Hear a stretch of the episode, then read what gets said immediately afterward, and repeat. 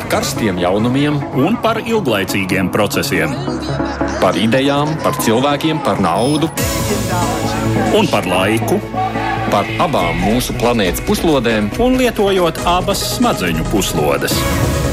Ēterā raidījums divas puslodes. Šajā trešdienā labdien no multimediju studijas sekām jums mēs, Edvards Liniņš un Aits Tomsons. Raidījums divas puslodes par starptautiskajām aktualitātēm ir klāt. Tuvākās nepilnas stundas laikā pievērsīsimies tam, kā pasaules ietekmīgākās lielvalsts un kolektīvās aizsardzības dalībnieces cenšas stāties pretī Krievijai, reaģējot uz tās uzsākto karu Ukrainā. Spānijas galvaspilsētā Madridē sācies NATO valstu samits, kurā tiek risināti divi galvenie uzdevumi - kā iespēju robežās atbalstīt karā pret Krieviju Ukrainu un kā stiprināt pašu dalību valstu aizsardzības spējas.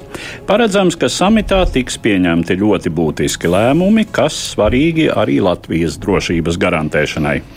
Bet nedēļu mijā notika G7, jeb septiņu pasaules ietekmīgo valstu līderu tikšanās. Arī tur Ukraina bija uzmanības centrā.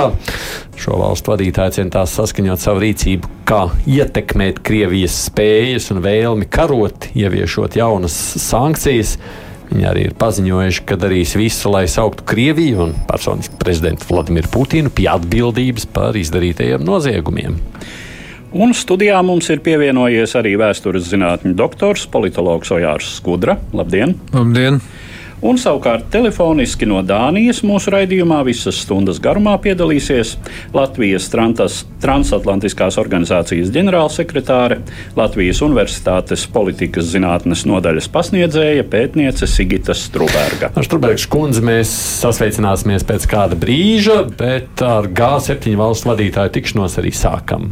Vispirms tāds īsts notikušā apkopojums.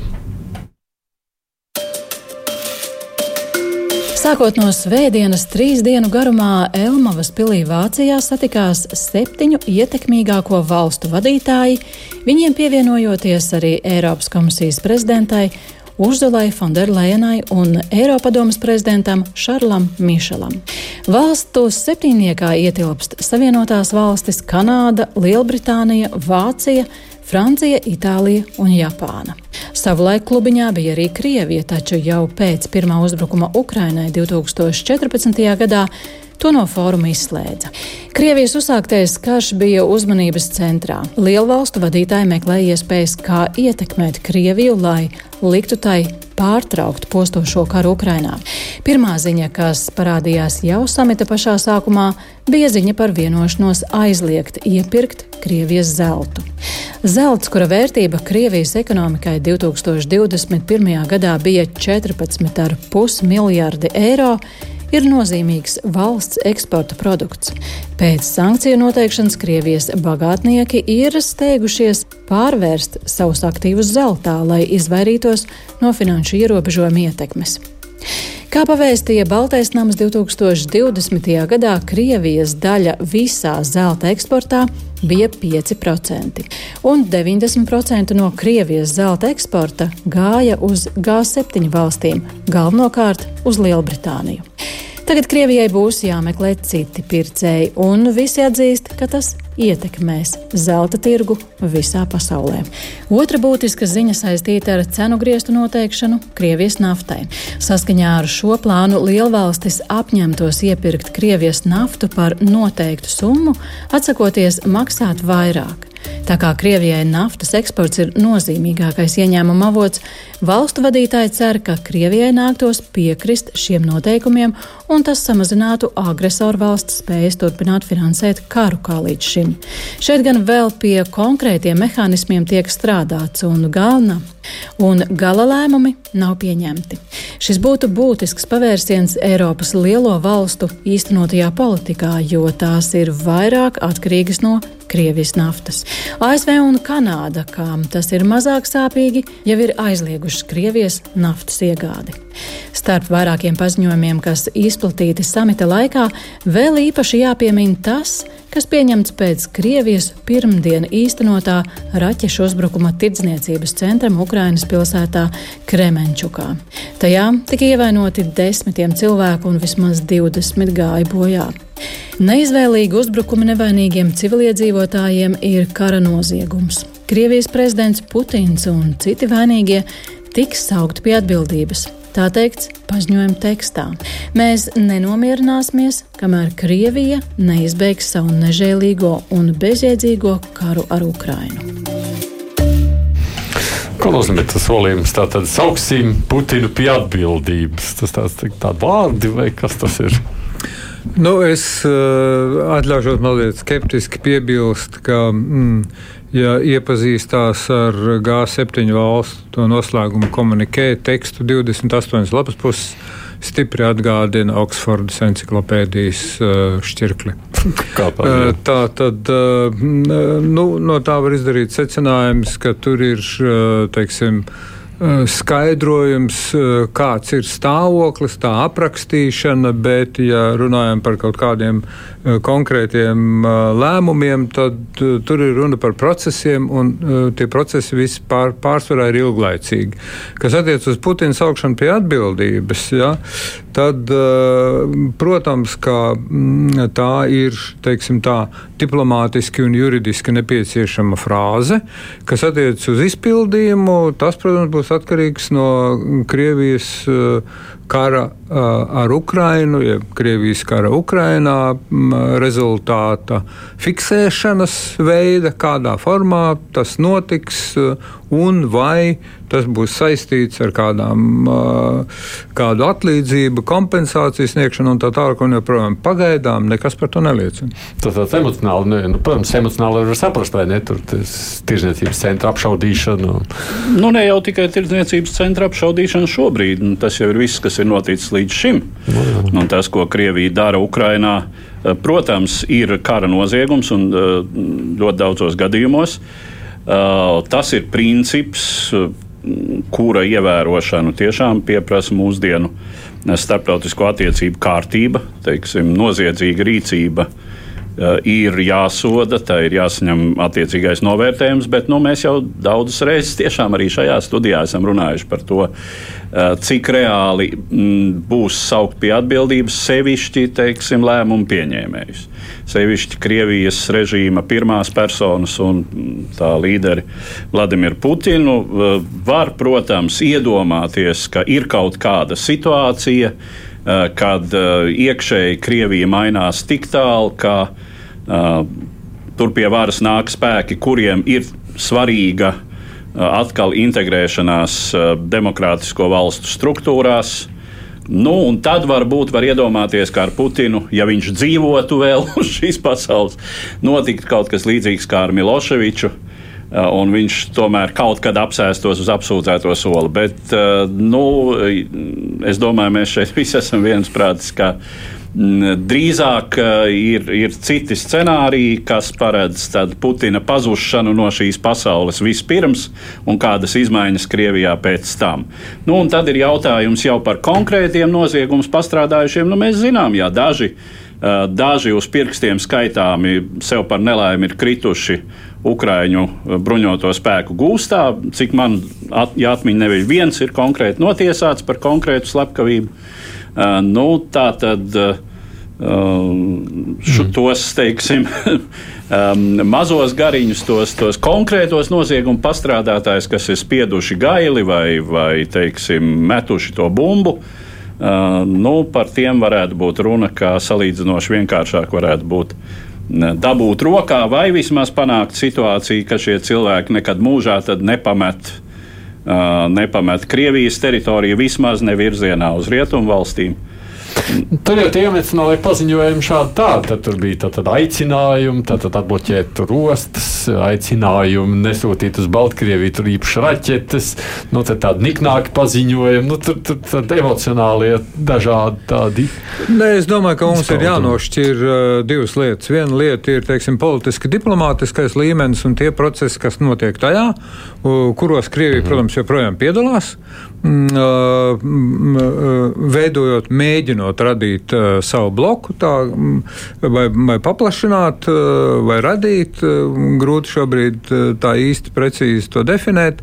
Jo ārlietu ministrs Lavrovs, piemēram, ir uzaicinājis Argentīnu un Irānu pievienoties BRICS valstu kopienai, uzskatot, ka tas būtu vērtīgs pienesums šai organizācijai, kā arī uh, vēl citas nenosauktas valstis. Mm, tā kā mm, tas ir viens virziens, bet otrs virziens ir militārais, tas kaujas lauka jā, jā. Mm, norises. Un šajā militārajā aspektā es gribētu atzīmēt divus punktus. Pirmkārt, vakar Vācijas privātās televīzijas RTL komentārā un arī Deutsche Welle angļu dienesta mm, televīzijas komentārā uh, kristīgo demokrātu tāds redzams ārpolitikas speciālists. Viņš brīdināja, ka tā tad, ja Rietumvalstis nepiegādās plašākā apjomā bruņojumu Ukrainai, visu veidu bruņojumu, uh, un uh, Krievijas karaspēks turpinās virzīties uz priekšu, viņa prāt pastāv draudi iekšpolitiski Ukrainā, draudi, ka Zelenskis var zaudēt varu. Uh, un, uh, līdz ar to varētu mainīties iekšpolitiskā situācija um, kopumā. Nu, mēs nezinām, diemžēl, uh, elitē notiek, Ukrainas elitē notiekošos procesus, bet tas, tas ir vērā ņemams nopietns signāls. Tā tad, bet G7 sanāksme neliecināja par to, ka G7 valstis palielinās nozīmīgā apjomā, ir tīpaši smagā bruņojuma piegādes Ukrainai. Tas ir viens aspekts. Un otrs aspekts eh, saistībā ar kara iznākumu. Tagad jau tālākā perspektīvā, nu, gada beigas vai, vai nākošā gada sākums, kas varētu būt tāds nu, pagaidām fantāzijas līmenis par, par kara noslēgumu. Skaidrs, ka Krievija, kas no šī kara iziet kā sakāvi cietusi, mm, pazemota mm, galvenokārt finansiāli un, un ekonomiski, un ar revanšistiskām noskaņām un pie varas tajā paliek Putina sistēmas cilvēki, kas ir, kas, vērš, kas turpina represīvu politiku iekšpolitiski un ir gatavi jaunām agresīvām darbībām ārpolitiski. Tas ir otrs aspekts, ar kuru ir jārēķinās atbalstot Ukrainas cīņu ar, ar Krieviju un domājot par to, ar ko tas varētu beigties. Un, un tad Eh, kā saka, ja mm, izdodas vairāk vai mazāk sekmīgi risināt abas šīs problēmas, eh, tad mēs varam domāt par to, mm, nu, kā tad starptautiski tiesiski tas karš beigsies. Runājot par savukārt tiem, nu, tiem nu, nezinu, vai saukt lēmumiem vai paziņojumiem, kas tur nākuši ārā, nu, tas viens tik pieminētais zelts. Jā. Cik tas vispār tāds nozīmīgs jautājums? Nu, relatīvi nozīmīgs. Šķiet, ka zelta eksports proporcionāli pret uh, kurināmā naftas un gāzes eksportu ir uh, laikam nepilni 5%. Nu, 14,5 uh, miljārdi tika jā, minēti, nu, jā. Nu, jā, nu, tas, protams, ir, ja tas tiek zaudēts, tas, protams, ir būtiski. Uh, no vienas puses, zeltam droši vien būtu grūtāk atrast citus noņēmējus. Uh, tas, kas ir zināms, kā arī sankciju rezultātā sarūkot Krievijas uh, nu, šobrīd naftas eksportam nu, un gāzes eksportam, cik tālu Krievija pati sacīt pārtrauc, aizgriež gāzes krānus mm. dažiem nedraugiem no Krievijas viedokļa. Krievija naftai atrod šobrīd pasaulē citus noņēmējus, nu, pirmkārt, cik es saprotu, Indija. Arī Ķīna labprāt pērk par lētu cenu. Un par to arī bija runa, kā var būt pret šo vērsties, mēģinot. Nācim, jā. Jā. Un nu, tas zelts, jā, nu, tas ir nepietiekami nepatīkami droši vien Krievijai. Pietiekami nepatīkami. 14,5 miljardi it kā salīdzinoši priekš Krievijas nav tā lielākā summa, ne? Es domāju, ka mm, es nosauku divus ciparus. Tātad, kas attiecas uz, uz Krievijas IKP, nu, tās pēdējās prognozes, kas ir manā rīcībā, samazinājums šogad par 12%. Kas, kā, kā uzskata ekonomisti un arī politologi pievienojās, nu, būtiski neietekmē Krievijas spēju turpināt karu Ukrainā. Tas pirmkārt. Savukārt, kas attiec uz Ukrainu, uh, Ukrainas IKP mīnus 45%. Uh, un tiek grauta civilā infrastruktūra slimnīcas, skolas, bērnu dārzi, mācību iestādes, veikali un tā tālāk. Un, joprojām. un, un, protams, ka tas pasliktina kopējo sociālo politisko noskaņojumu balstu. Bet tās diskusijas, kas tur nu, sēdēja un Minhenē, nē, Minhenē tā nebija. Tā. Elmau. Elmau. Sēdēja un sprieda par to zeltu, nu, nu skaļiem paziņojumiem, tad, tad tā ir tāda tukša runa. Nē, tā, tā nav tukša runa. Teiksim, jāņem vērā, ka tā taktika, kuru ir izvēlējušās Amerikas Savienotās valsts un, un G7 valstis, tam ir piekritušas. Tātad es gribētu piebilst, ka, teiksim, lasot to komunikētu, rodas iespējas, tur visu laiku tiek uzsverts, ka valstis pildīs to, ko viņas tur apsola attiecībā pret Ukrainu un Krieviju, atbilstoši savai likumdošanai. Uh, un attiecīgiem starptautiskiem līgumiem, vienošanās un tā tālāk un joprojām. Tāda starptautiskā noteikumos balstītā kārtība, kādu pār, kāda pastāv līdz šim pasaulē. Tā tad, un, un kas attiec uz, uz to likumdošanu, tas nozīmē, ka, ka faktiski katra valsts interpretēs atbilstoši savai likumdošanai un to, kādi tur tie ierobežojumi ir noteikti, lai tos pasākumus realizētu. Skaits, jā, bet nu, tā pašā laikā bet, to zelta jau tur sāk sākumā tikai četras valsts laikam parādījās, jā, bet, bet, bet, bet, tas, bet, tā, bet tas galvenais ir, uh, ir entie pasākumi Ja? Un visi no šiem pasākumiem ir pakāpeniski. Uh, arī, teiksim, ja mēs vēlāk runāsim par militāro aspektu, ļoti interesanti par Vāciju pateikt, ka uh, viņi gan ir apsolījusi, gan G7, gan tagad NATO apsolījusi uh, dot savu pienesumu, jo, jo tie 300 tūkstoši pie NATO austrumu robežām viņiem mm, būs jā, jānāk arī no Vācijas puses. Vācijas daļa ir neliela, un viņi izpildīs šo solījumu līdz 2024. gada beigām. Un, un tā ir pilnīgi ar visu, ar visiem punktiem.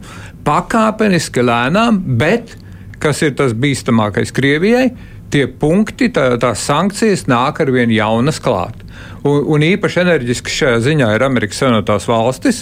Un, un, un tāpēc arī, teiksim, nu, es tagad nesaukšu nevienu konkrētu no tām G7 valstīm, bet ir skaidrs, ka tur, tur viņu vidū ir vairāki valstu vadītāji, eh, kuri uzskata, ka amerikāņi rīkojas pārāk eh, agresīvi, pārāk eh, enerģiski savā sankciju politikā, jo tās pārējās netiek līdzi, jo, jo viņas tad arī cieš pašas.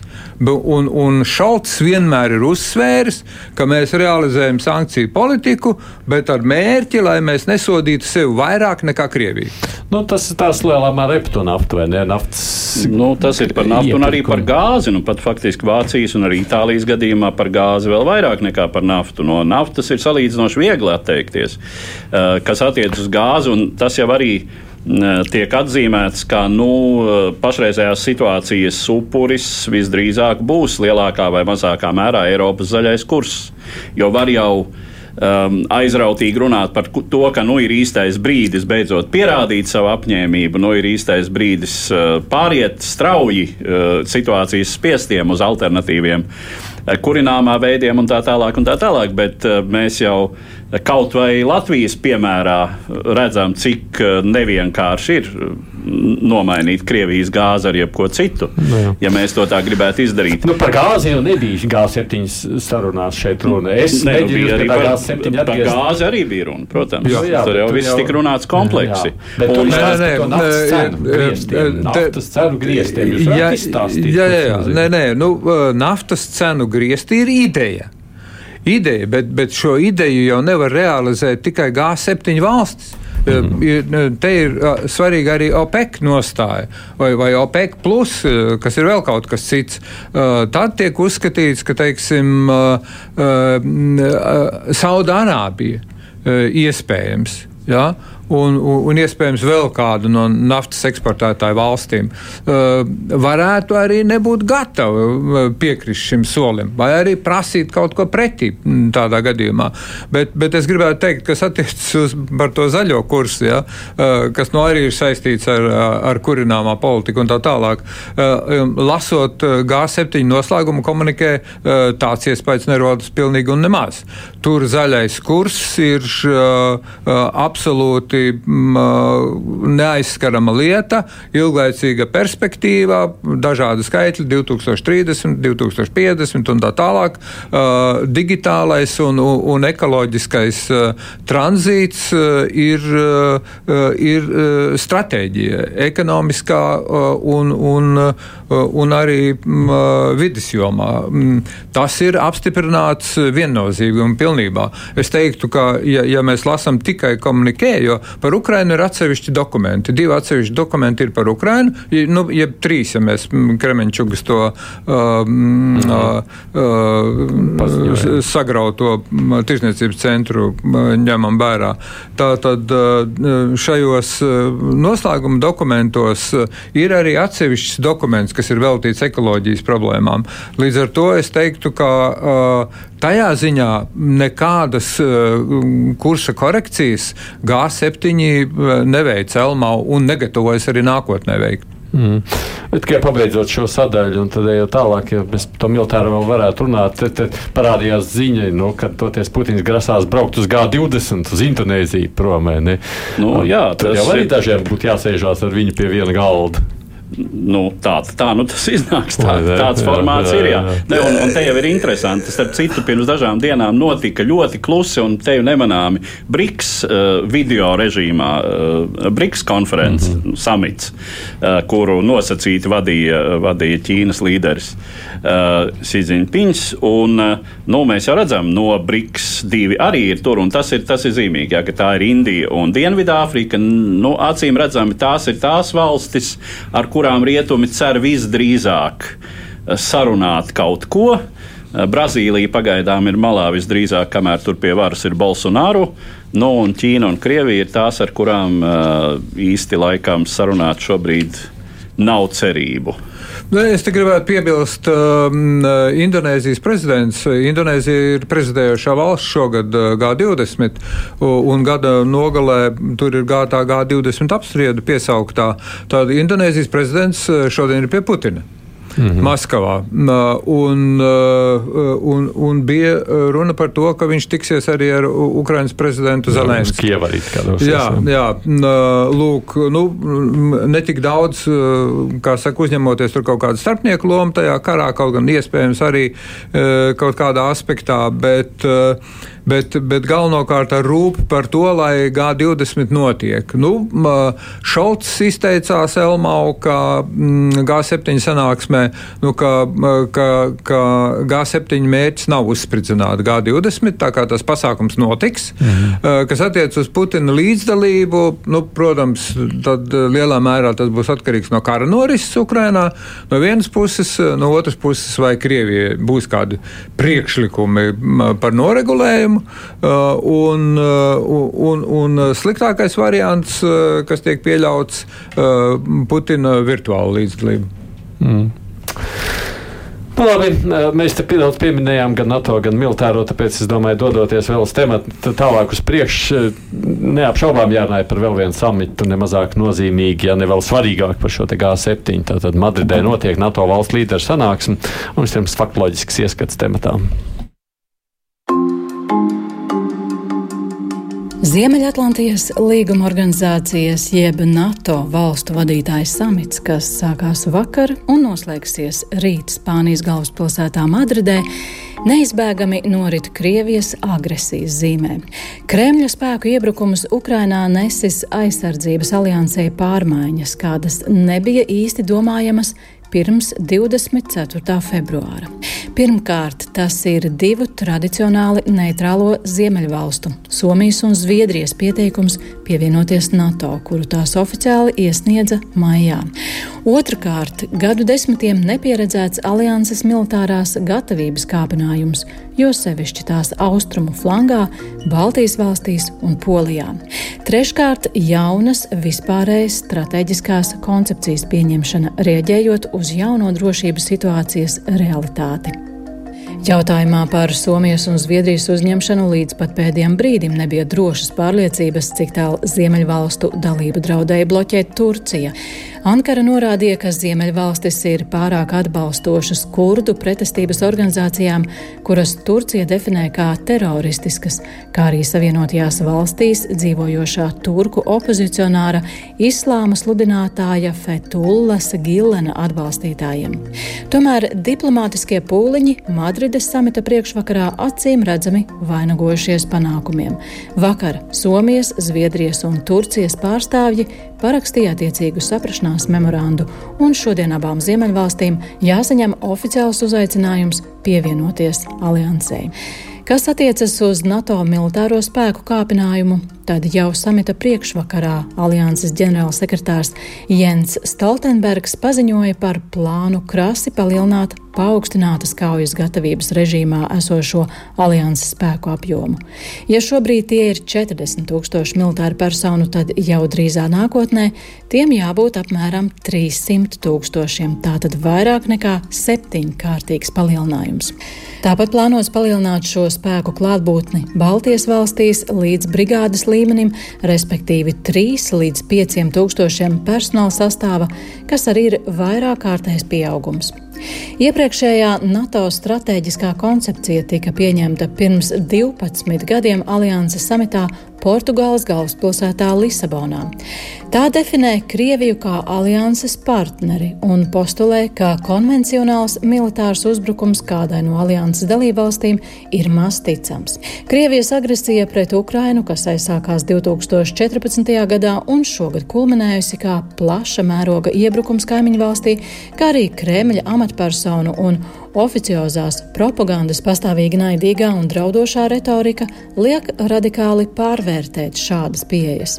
Nenāk šaubīties, ka no jaunās stratēģijas, kura tiks pieņemta Madridē, būs pazuduši mierlaiku motīvi, un Krievija visdrīzāk tiks definēta kā ilglaicīgs strateģisks drauds un pretinieks. Ja īstenosies Savienoto valstu ievirze, tad sava daļa skarbu vērtējumu šai dokumentā tiks arī Ķīnai. Kopumā jākonstatē, ka Ziemeļatlantijas līguma organizācija šobrīd piedzīvo nozīmīgāko spēku sasprindzinājumu kopš augstā kara noslēguma.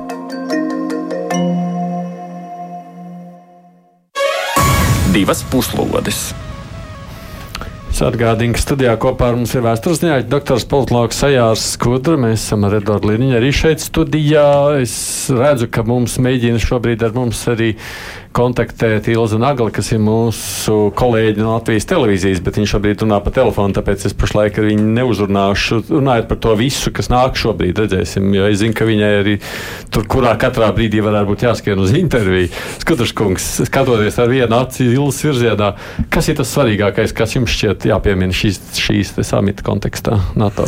Um, nu, uh, protams, uh, dokuments, uh, kurā mm, Ķīnas Tautas Republika tikšot nodēvēta par sistēmisko izaicinājumu, mm, Krievijas federācija par tiešu draudu, runa ir par NATO. Mm -hmm. Stratēģija tā saucamā. Jā, gā, nu, par NATO stratēģiju. Uh, nu, uh, būtiski, manuprāt, ir tas, ka mm, uh, prezidents Baidens ir, ir jau paziņojis, ka amerikāņi pastiprinās savu klātbūtni uh, NATO austrumu robežas tūmā, Polijas teritorijā pastāvīgi tiek izveidots ASV 5. korpusa, 5. korpus un tā vadība.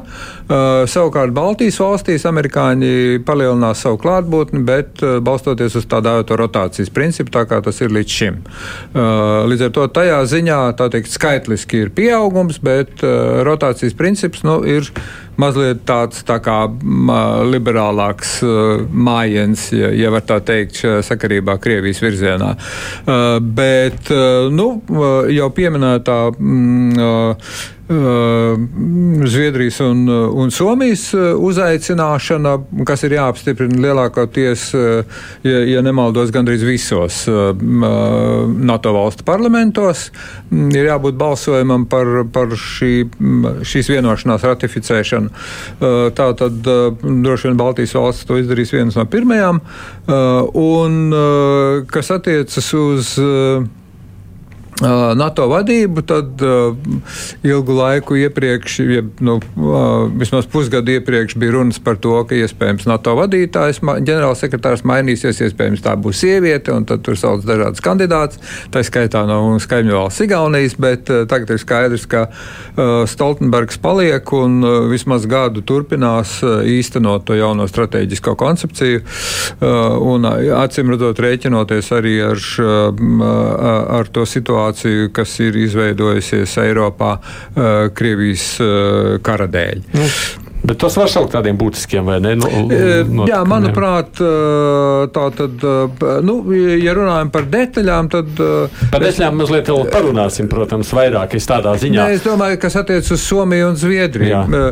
Es te gribētu piebilst, tā tad kurdu strādnieku partija ir aizliegta kā teroristiska organizācija Turcijā, Amerikas Savienotajās valstīs un Eiropas Savienības valstīs. Mm. Šajā ziņā Zviedrija un Somija bija izņēmums. Jā viņi šajā ziņā ir piekāpušās. Nu, par to mēs arī noteikti vēl parunāsim. Ilza Nagla šobrīd, es saprotu, ir gatava mazliet veltīt kādu brīdi arī mums. Sveiki, Ilza, tam mūs dzirdi! Sveika, Rīga. Jā, mēs tev arī pat izrādās dzirdam, vai ne? Tehniski viss visādas ķibeles mums šodien nevienu vienu vajā šajā uh, raidījuma laikā. Saki, runājot par to, nu, tu esi Madridē, jebkurā gadījumā. Kas tev šķiet no vis tā, kas šobrīd notiek gaisā, tev tas svarīgākais, ko tev gribētos pieminēt? Uh, Nu, šis ir tāds vēsturisks eh, NATO samits, un arī runāja ar vairākiem ekspertiem, kas ir, kas ir klāt. Viņi saka, ka nu, šī faktiski ir pirmais tāds samits, kas, kas, kas NATO ir laikā, kad reāli notiek karš pie NATO robežām. Līdz ar to arī tie lēmumi, kas te tiek pieņemti, nav kaut kādi abstrakti par kaut kādu situāciju nākotnē, bet par situāciju šeit un tagad. Nu, mēs zinām, ka tiks, e, kuru katru brīdi nu, ir jābūt arī paziņojumam par to, par šīs te e, brigādes izvietošanu Latvijā. Tā, tāpat arī, arī Igaunijā un Lietuvā. Mēs šobrīd gaidām detaļas, cik lielā mērā tur būs pastāvīga klātbūtne, cik lielā mērā šo būs šo karavīru rotēšana, bet šo arī pastāvīgo brigādi tad vadīs e, kanādieši, no, protams, šo pēcpusdienu jābūt, es saprotu, arī tiks parakstīta vienošanās ar viņiem šeit. Un, protams, priecīgā ziņa ir par, par Zviedrijas un, un Somijas drīzo uzņemšanu, jo vakar izdevās panākt šo vienošanos ar Turciju. Tas praktiski visticamāk tas prasīs vēl pāris mēnešus, kamēr Zviedrija un Somija kļūst par pilnvērtīgām dalību valstīm. Manuprāt, trešā tāda būtiska lieta ir par to, ko Jans Otenbergs paziņoja, ka NATO palielina savus ātrās reaģēšanas spēkus no 40 tūkstošiem uz 300 tūkstošiem. Tas ir milzīgs palielinājums. Tagad tas lielais jautājums, ko te visi uzdod, neviens līdz galam nevar pagaidām vēl atbildēt. No, Kā to izdarīs? Tas prasa naudu, tas prasa resursus, no kurien šie karavīri nāks, kā tas viss izskatīsies. Bet nu, tās jau ir detaļas, kuras jācer, nu, vai nu šodien vai rīt jau kļūs mazliet skaidrāks, kā, kā to visu izdarīt. Bet tas ir milzīgs spēku palielinājums, jo iepriekšējā reizē palielināja no 10 tūkstošiem uz 40, un tad jau teica, ka tas ir daudz. Tagad no 40 tūkstošiem uz 300 tūkstošiem. Tas ir ievērojami. Bet tā sajūta tur ir, ka tas tiešām ir tik ļoti nepieciešams, nu, ka tā situācija ir pietiekoši draudīga, lai tā rīkotos. Jā, tā sajūta tāda ir, ka, ka tas ir nepieciešams. Pretējā gadījumā skaidrs, ka NATO dalībvalstis nepiekristu arī tērēt tam tādu naudu un resursu. Šeit tiek daudz runāts arī par to, ka jāpalielina. Dalībvalstīm būs budžets, arī pašam pats NATO grib palielināt savu budžetu. Tā kā jā, ir šī nepieciešamības sajūta. Ir, jā. to nosaukt par vēsturisku nu, samitu šajā reizē? Es, nu, ik pa laikam jau mēs sakām, ka ir vēsturiski samiti, bet es domāju, ka šis ir vēsturisks samits. Tāds spēku palielinājums Eiropā nav piedzīvots kopš, kopš augstā kara laikiem. Un mēs tagad pieredzam reālu karu Eiropā, kurš uh, likās, ka ja pirms trim gadiem Emmanuels Makrons, Francijas prezidents, teica, ka runāja par NATO smadziņu nāvi. Tagad neviens par nekādu NATO smadziņu nāvi vairs nerunā. Tagad visi grib iestāties NATO, grib pievienoties NATO, un NATO ak ir aktuālāks nekā jebkad iepriekš. Bet mēs arī redzam, ka, piemēram, ar tādu Somijas un Zviedrijas iestāšanos, tās NATO un Eiropas Savienības robežas sāk jau ļoti tuvināties. No tādām Eiropas Savienības dalību valstīm NATO, tad kas mums vairs nav iekšā, nav Austrija, nav Malta un Kipra, bet nu, tad šīs te un Īrija.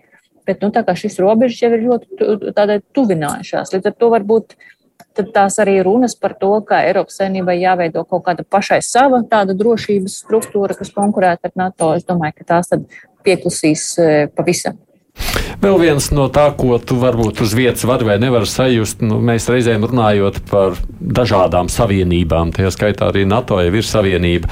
Uh, sakām, ka dažādās valstīs mēdz būt dažāds noskaņojums, un tā attieksme ne visur ir vienlīdzīga. Vai tas arī šajā reizē ir jūtams, vai te nu tagad liekas, ka visi viens prātis vai vienādi jūtas, domājot, īpaši šī kara kontekstā? Ja mēs skatāmies uz publiskajiem paziņojumiem, tad tie ir diezgan eh, jaudīgi arī bijuši no Dienvidu Eiropas valstīm. Skaidrs, ka no mūsu austrumu, austrumu flanga valstis ir, ir daudz sāsinātāk rēģējuši šo karu un uz, uz, uz drošības situāciju. Kā, kādas ir runas bijušas aizkulisēs, to, protams, neviens tā līdz galam eh, negrib atklāt, bet uh, tas, ko šobrīd var saprast, ka līdz pašam pēdējiem brīdim nebija skaidrs, vai mēs dabūsim šo te brigādi un kā tas izskatīsies. Vēl pirms divām nedēļām tas tā nebija pilnīgi droši skaidrs. Un arī šobrīd mēs gaidām detaļas, vai tiešām šī te e, brigāde būs cik lielā mērā. cik lielā mērā e, būs e, šie karavīri pastāvīgi atradīsies Latvijā. Oh, labi, Ilzi, es, tev, es saprotu, tu vēl uz kādām intervijām, tu tur gaidi, acīm redzot, kur katru brīdi, kad tev jādodas. Ir, Paldies, Ilzē, Ilzē Naglēs, kolēģiem no Latvijas televīzijas, kas bija pieslēgsies arī mūsu šai sarunai. Uh, ir ko piebilst? Jā, ja drīkst, es, uh, es gribētu mazliet izklāstīt detaļas par to, ko Vācija darīs šīs jaunās koncepcijas ietvaros, lai cilvēkiem būtu skaidrs, par kādiem mērogiem ir runa un uh, ka nevajag uh, visu ņemt tā teikt, par tīru patiesību. Tā tad, tā tad jaunā struktūra, NATO jaunā struktūra līdz 2024. gadam. New Forces modelis saucās, tie 300 tūkstoši. Tā tad pieņems Madridē. Pašreizējo 40 tūkstošu vietā. Tātad Vācija šajos pašreizējos 40 tūkstošos ir ar 13,700 karavīriem pārstāvēta.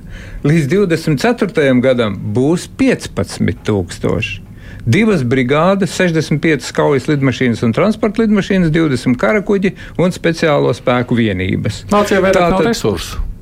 Tad, tā tad Vācija katru gadu sola, kā teica Šalts intervijā sabiedriskajā televīzijā RD, 70-80 miljardus eiro gadā aizsardzībai turpmākajos gados, tātad līdz tam 24. gadam, nesakot par to, ka 2% vēl nebūs sasnieguši. Tātad Bundesvērs kļūs par lielāko konvencionālo armiju Eiropā. Kādu pagaidām nosacītu var uzskatīt, ka tāda ir Turkiem. Tā tad, un, un kas attiecas uz, uz kaujas gatavību, tad pat labam tiem 30 tūkstošiem desmit dienu laikā ir jānokļūst līdz frontes līnijai. Tātad pirmajām vienībām, pirmajām vienībām, pārējām 30 dienu laikā saskaņā ar jauno koncepciju, kur īstenos līdz 24. gadam, tām visām vienībām ir jābūt kaujas spējīgām.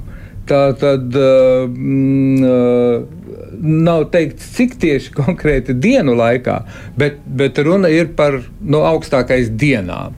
Ja, viņām ir jābūt kaujas spējīgām, jābūt kaujas līnijā. Tāpēc arī tās rotācijas brigādes, tāpēc tas pastāvīgā klātbūtne Polijā un tā tālāk. Bet tas ir līdz 24. gadam. Lēnām par tiltu. Nu, jā, nē, nu. Nu, lai gan, nu, ja mēs skatāmies visu līdzinējo attīstību, kas ir gājusi tomēr samazinājuma vai katrā ziņā tādas stagnācijas virzienā, eh, militāra, NATO militārajā attīstībā Eiropā, nu, tad šis ir pagrieziens. Un, eh, nu, tā labā ziņa ir tā, ka mm, kā mēs to visi pārliecinājāmies šai mm, pašreizējā Krievijas uzbrukuma gadījumā, nemanāmi savākt eh, uzbrukumam pietiekamu militāro spēku. Nu, pat teiksim, tādam uzbrukumam, kas būtu domāts Baltijas valstu okupēšanai, un pēc tam sākt tā sacīt, tirgošanos. Tādus spēkus savākt nemanāmi nav iespējams. Krievijas rīcība, ja būs kaut, kāda, būs kaut kāda agresijas draudi, tā jau būs redzama. Līdzīgi kā mēs pie Ukrainas redzējām, ka viņi tur vācās mēnešiem, mēnešiem. Jā, nu, un nevelti pie Ukrainas viņi vācās, un tad atkal tā kā aizvācās uz brītiņu. Nu, tur, tur jau tas process bija ļoti analīzes vērts, jāsaka, no tādas uh, militārās taktikas viedokļa. Uh, jo, un, tur bija visnotaļ ierēķināts. Es jāsaka, vienmēr atcerēšos šo vienu Eiropas parlamenta sesiju, kur es biju Strasbūrā, kad, kad Krievija pirms tam dažas dienas koncentrējusi spēkus pie robežām. Kā Un tas bija nedēļa. Tas bija nedēļa pirms 24. februāra. Un tad Krievija uz brīdi kaut kādas vienības atvilka atkal no robežas. Un tas izpaudās uh, Eiropas parlamentā, un uh, debatēs mainījās, uh, nu, vai nu mainījās, vai teiksim, uh, tā, tās intonācijas tūdaļ parādījās. Nu, redziet, viss ir kārtībā. Uh, Krievija tā atkal ir tikai demonstrēšana. Krievija mhm. tūlīt atvilks spēkus, jau nedēļu vēlāk nāca 24. februāris. Uh, šitie gājieni, teiksim, ir izspēlējami vienreiz. Ja? Uh, otrais tik drīz tas neizdosies. Un, protams, eh, korpus Polijā, amerikāņu korpus Polijā, plus Polijas pašas diezgan ievērojamai armijai tomēr. Eh, Polijai ir kaut kāds sastais vai septītais lielākais militārais budžets Uh, un vienīgai tāds ievērojams no, no bijušajām uh, padomju bloka valstīm. Uh, nu, un arī, teiksim, brigāde, brigāde katrā Baltijas valstī, nu, tas jau ir tomēr faktors, kas kas jebkādu apetīti uz avantūrām šajā reģionā stipri mazina. Vienīgais, kas man liekas, ko mēs redzam tagad tādā publiskā telpā, tāda Vāvu, mēs taču domājām, ka nemaz tik slikti ar to NATO nav. NATO doma sakot, ka tagad tikai mēs ieraudzījām, ka mums nu, būtu ļāvuši okupēt tur uz pusgadu. Ko nozīmē? Domāju, ka slikti nav. Nu, tas taču jau, jau par to ir runāts jau kopš 14. gada vismaz, ka, ka NATO ir tiešām. Uh, stagnējoša organizācija, ka uh, ļoti daudzām dalību valstīm, labi, Francija vēl uztur kaut kādu militāro tonusu sakarā ar savām operācijām Āfrikā. Uh, bet kā Bundesvērs tiešām teiksim, par to jau gadiem runā, nožēlojamā situācijā. Ja? Nu, tagad tas viss tā kā acīm redzot, tomēr mainīsies. Tajā lēmumā, protams, mēs jau te pieminējām, bet tas ir jautājums arī par Somiju un Zviedriju. Var jau būt, ka tajos 30, 30 300 tūkstošos ietilpst arī Somijas un Zviedrijas spēku, un tad jau tur var savākties it lāga. Ne? Nu, kas attiecās uz tiem 300 tūkstošiem, es domāju, ka tur mēs varam runāt par to, ka, ka, ka tas skaitlis, protams, ir jāpapildina e, visticamākais ar e, Somijas karaspēku, mm. ja? jo viņiem ir tiešā robeža ar Krieviju. Bet es domāju, ka tas, kas ir ļoti būtiski, būtiski un uh, kas, um, ja nebūs uh, jaunajā strateģiskajā koncepcijā, uh, varbūt konkrēti priekšlikumi, tad jebkurā gadījumā tur būs idejas vai virzieni noteikti. Kā NATO redz tā dēvēto Eiropas miera kārtību pēc Krievijas-Ukrainas kara beigām?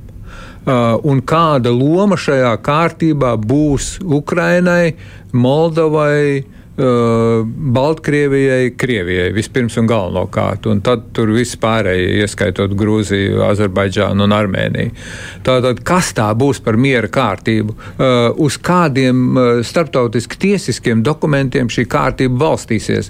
Šie jautājumi pagaidām nav atbildēti, un, protams, ka NATO Madrides samitam ir jāpasaka, kādai miera kārtībai NATO ir gatavs piekrist un gatavs runāt. Nav par agru to pateikt, ne? Nē, nav par agru, jo, jo, jo uh, tas ir arī. Uh, Tā ir arī kolektīvā NATO griba, ja tāda tiks formulēta. Es ceru ļoti, ka tāda tiks formulēta, vai arī viņa varbūt ne, ne koncepcijā, tad kādā no, no tām uh, citiem dokumentiem, komunikē, kas tur tiks pieņemts. Uh, nu, tur ir jābūt piedāvājumam Krievijai. Uh, kā, kādu NATO saskata izēju no, no kara stāvokļa. Jo, jo, jo ir skaidrs, ka uh, Ukraina vienatnē uh, panākt uh, sev pieņemamu atrisinājumu karā ar Krieviju nav spējīga. Uh, viņi to ir spējīgi panākt tikai kopā ar uh, rietumvalstīm, kas viņi ir gatavs atbalstīt, uh, un arī citām valstīm, ne tikai rietumvalstīm. Bet, uh, bet, bet ir skaidrs, ka ir, ir jāpasaka, um, kas ir tie pamati tai, tai miera kārtībai. Tu esi domā, ka tāds būs kaut kas. Nu, nē, nu, uh, gluži pareizi piekrītot profesoram Skudram, uh, nu, šādai principiālai definīcijai ir jābūt, kā mēs, kā mēs redzam to, to spēku līdzsvaru, bet es domāju, ka nu, tas uh, viens ļoti svarīgs uh, formulējums ir pateikts. Krievijai uh, šī kara rezultātā ir jātiek novājinātai maksimāli. Un tas jau ir, tas jau ir definēts. Protams, ka NATO šajā gadījumā nu, maksā par, eh, respektīvi, eh, pērk šo, šo, šī principa īstenošanu ar Ukraiņu asinīm. Ja, lai, lai nu kāda teiksim, ir pašas Ukraiņas apņēmība karot, nu, jā, NATO teiksim, iespēju robežās atbalsta ar, ar ieročiem, ar militāro materiālu un tā tālāk. Bet, uh, šajā pašreizējā kara situācijā īstenojas tas, ka jā, tiek Ukrainā lēnām uh, malts Krievijas militārais potenciāls. Bet šis Krievijas militārais potenciāls tiek deldēts ar Ukrainas spēkiem, kuri paši uh, smagi cieš. Un, uh, uh nu, ir, tas ir ļoti sarežģīts jautājums, cik ilgi pietiks Ukrainas sabiedrībai gribas uh, Tieši Šobrīd tā. mēs tā kā paļaujamies uz to, ka Ukrāņi ir gatavi cīnīties teju līdz galam, bet ko tas īsti nozīmē? Bet Rīga saka, ka neuzņems bēgļus. Uh, nu, sevišķi, jā, ja teiksim, Rīga, Rīga saka, ka, uh, ka, vairs nav, ka vairs nav iespējas uzņemt. Nu, tas, tā, labi, tas ir viens tāds ļoti konkrēts izteikums, kas, uh, kas vēl jāsaka, nav, nav nekur akmenī iecirsts. Jā, es domāju, ka šo. Mm, Šo arī būs jāpārskata. Bet runājot savukārt par šo palīdzību Ukrainai, nu, tur mēs kaut kādus interesantākus paziņojumus redzēsim. Mēs pietiekoši daudz jau pirms esam redzējuši, nu, jā, pieminētās brigādes, mūsu aizsardzības robežu stiprināšana, jā, Somija, Zviedrija pievērš lielu uzmanību, jā, stratēģija tika pieminēta. Vai tur arī kaut kas par uh, pašu palīdzību Ukrainai arī varētu kaut kas būtisks parādīties, vai tā kā jūs tur skeptiski sacījāt? No, tā, es, tā. es domāju, ka nē, tāpēc, ka mm, Stoltenbergs, NATO ģenerālsekretārs, vienmēr ir teicis, un to saka arī visi pārējie, kas attiec uz NATO oficiālajām amatpersonām. NATO nekaro Ukrainā. Nu, jā. Ja? Un ar to ir pateikts ļoti daudz. Eh, kas attiecas uz militāro palīdzību, tad uh, galvenā lauvas tiesa šajā militārā palīdzībā ir amerikāņiem.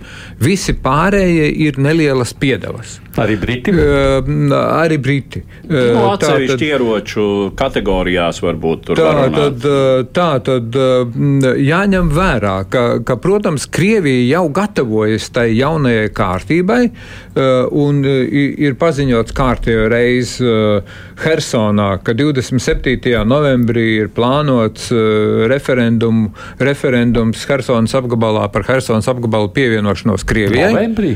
Šā gada 27. novembrī. Jā. Mm -hmm, Tātad sākumā bija runa par, par pavasara mēnešiem kaut kādiem, bet nu, to tad viss atlika, jo nu, vienkārši tā okupācijas stabilizācija nebija tikusi tik tālu. Jo tur uh, televīzija, rādio ir Krievu valodā, mēdī strādā Krievu valodā, val, Krievu valoda ir oficiālā valoda, funkcionē Krievijas rublis, uh, var uh, saņemt Krievijas pasi, pat saņemot nelielu prēmiju, nemaldos 240 dolāru dolārus. Mhm. Uh, tā tad uh, un kļūt par Krievijas pilsoni. Tā kā tur okupācijas spēki jau strādā, scenārijs ir iedarbināts. Tas ir jautājums par miera kārtību pēc kara. Man jūs tos klausoties, ir tāds sajūta, ka Kudrškungs ir galīgs pesimists. Un, Nē, es neesmu pesimists, es esmu reālists. Mēģina optimistiskāk skatīties uz lietu. Nu, relatīvi, jā. Uh, Kara iznākuma prognozēšana ir ļoti nepateicīga lieta. Ir uh, lielas iespējas kļūdīties. Viss, par ko mēs runājam, būs tiešām konkrēti atkarīgs no kara iznākuma.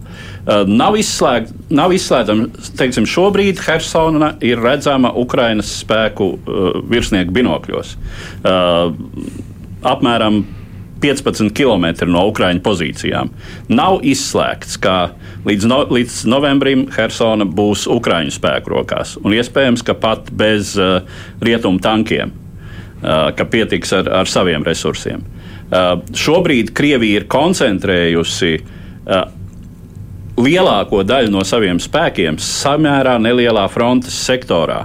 Tātad Severodonetska, Luhanska, uh, Severodonetska, Lisičanska, Eh, šī eh, tāda pilsētu kopa. Eh, nelielā, vēl neokupētā um, Luhanskas apgabala daļa. Uh, ar visu šo spēku koncentrāciju Krievijai nav. Uh, Krievijai ir izdevies ieņemt uh, nu, uh, lielāko daļu, kā šķiet, uh, ja, Severodonetskas pilsētas. Uh, ar pamatīgiem zaudējumiem. Ja. Nu, ja Krievijas armija virzās uz priekšu šādā tempā, tad uh, un ar šādiem zaudējumiem. Nu, nu, tas ir uz izturību. Situācija, nav, situācija nav bezcerīga. Ja? Bet, uh, tas, ko, tas ko, kas noteikti nedrīkst notikt, ja? ka, ka esošā palīdzība Ukrainai nedrīkst samazināties. Te ir jāpaliek vismaz tādā apjomā. Ja tas tikai kaut kā neiet saldē vai neiet. Bet, bet jā, tad, protams, ir, protams, ir jautājums, nu, nu, cik var saprast, tad tādu raķešu, ar kādām tika šauts pa Kremenčūkas tirdzniecības centru, Krievijai vēl ir daudz. daudz. daudz. Tās ir saražotas, jāsaka, biezā slānī. Nu, katrs, katra šāda apšaude ar šādiem upuriem, protams, arī ir trieciens Uh, Ukraiņas iedzīvotāju apņēmībai. Bet, ja mēs tādu mēģinātu pateikt tādu kopsavilkumu, tad šīs dienas, ja šobrīd notiekošais samits Madridē ir apmēram vēstījums tāds, nu, Ukraiņa, nu, kā tur būs, tā būs, tur nu, mēs neko daudz, ko nu varam, to varam, ko nevaram, to nevaram. Galvenais sargājam paši sevi. Uh, nē, es, es teiktu tā, ka uh, tad, uh, samits, uh, kur uzrunās arī Zelenskis. Uh, jā, tā uzrunāja, man liekas, šodien jau. Jā, jā uzrunāja. Jā. Tā tad uh, samits, protams, uh, pateiks, ka uh, uh, divas lietas attiecībā uz Ukrajinu. Pirmā lieta, ka Krievija karā ar Ukrajinu neuzvarēs. Tā tad tas, tas pirmkārt, kas, kas, protams, nenozīmē, ka Ukraina nezaudēs nekādas teritorijas jaunas, bez Krimas. Jā, bet uh, Krievija karā neuzvarēs, un Krievija nenodiktēs Ukrainai miera noteikumus. Ja, tās ir NATO divas galvenās apņemšanās. Ja neskaitām trešo, NATO Ukrainā nekaros. Nu jā, vissliktākais, kas varētu notikt, tas ir, ka Krievija uz nenoteiktu laiku patur savā kontrolē tās teritorijas, kuras faktiski šobrīd ir jau kontrolē, nu, tad jādomā bez cerībām, jebkad šīs robežas leģitimizēt starptautisko tiesību līmeni. Un, un, šajā, un, un šajā aspektā, protams, izšķiroša nozīme ir sankciju politikai. Uh, un, uh, un tam, uh, vai uh, tā teikt, uz Ukraiņu asiņu rēķina Indija, Ķīnas Tautas Republika, Irāna, Indonēzija un citi gribēs kārtot savus biznesa darījumus. Hmm, kas gan arī reizēm notiek. Ja runājam savukārt, pabeidzot to visu, nu, jā, man ir jāatsaka, laikam, jau uzreiz. Nu, ir, būtībā jau tomēr tas notikums šobrīd Madridē ir tāds vēsturisks. Jā, protams, jā, protams. Tā to varētu nodēvēt. Uh, tā mums neizdevās. Sigits tur beig, beig, beigās savienot raidījumus. Nezinu, kāpēc, lai nu kā tur nebūtu. Tas mums tā arī nesnāca. Bet paldies, protams, vēstures nedaļu doktoram, politologam Mojāram Skudram, kurš bija šeit studijā. Paldies, ka atnācāt. Paldies, nu, un, protams, bijām arī mēs, Edvards Liniņš. No, paldies. Aits Tomsons producēja šoreiz raidījumu. Loreta Bērziņa raidījums, tātad divas puslodes būs ētrā atkal pēc nedēļas. Man gan jāpiebilst, ka es joprojām vēl kādu laiku būšu prom atvaļinājumā un man vietais galds šeit ieņem cienījams kolēģis Uģis Lībijams. Bet nu, tas savukārt nozīmē, ka raidījums turpina skanēt. Jo tas, kas notiek pasaulē, protams, šobrīd patiešām ir izšķiroši svarīgi mums visiem. Tāpēc klausieties Latvijas radio viens arī tālāk. Divas puslodes!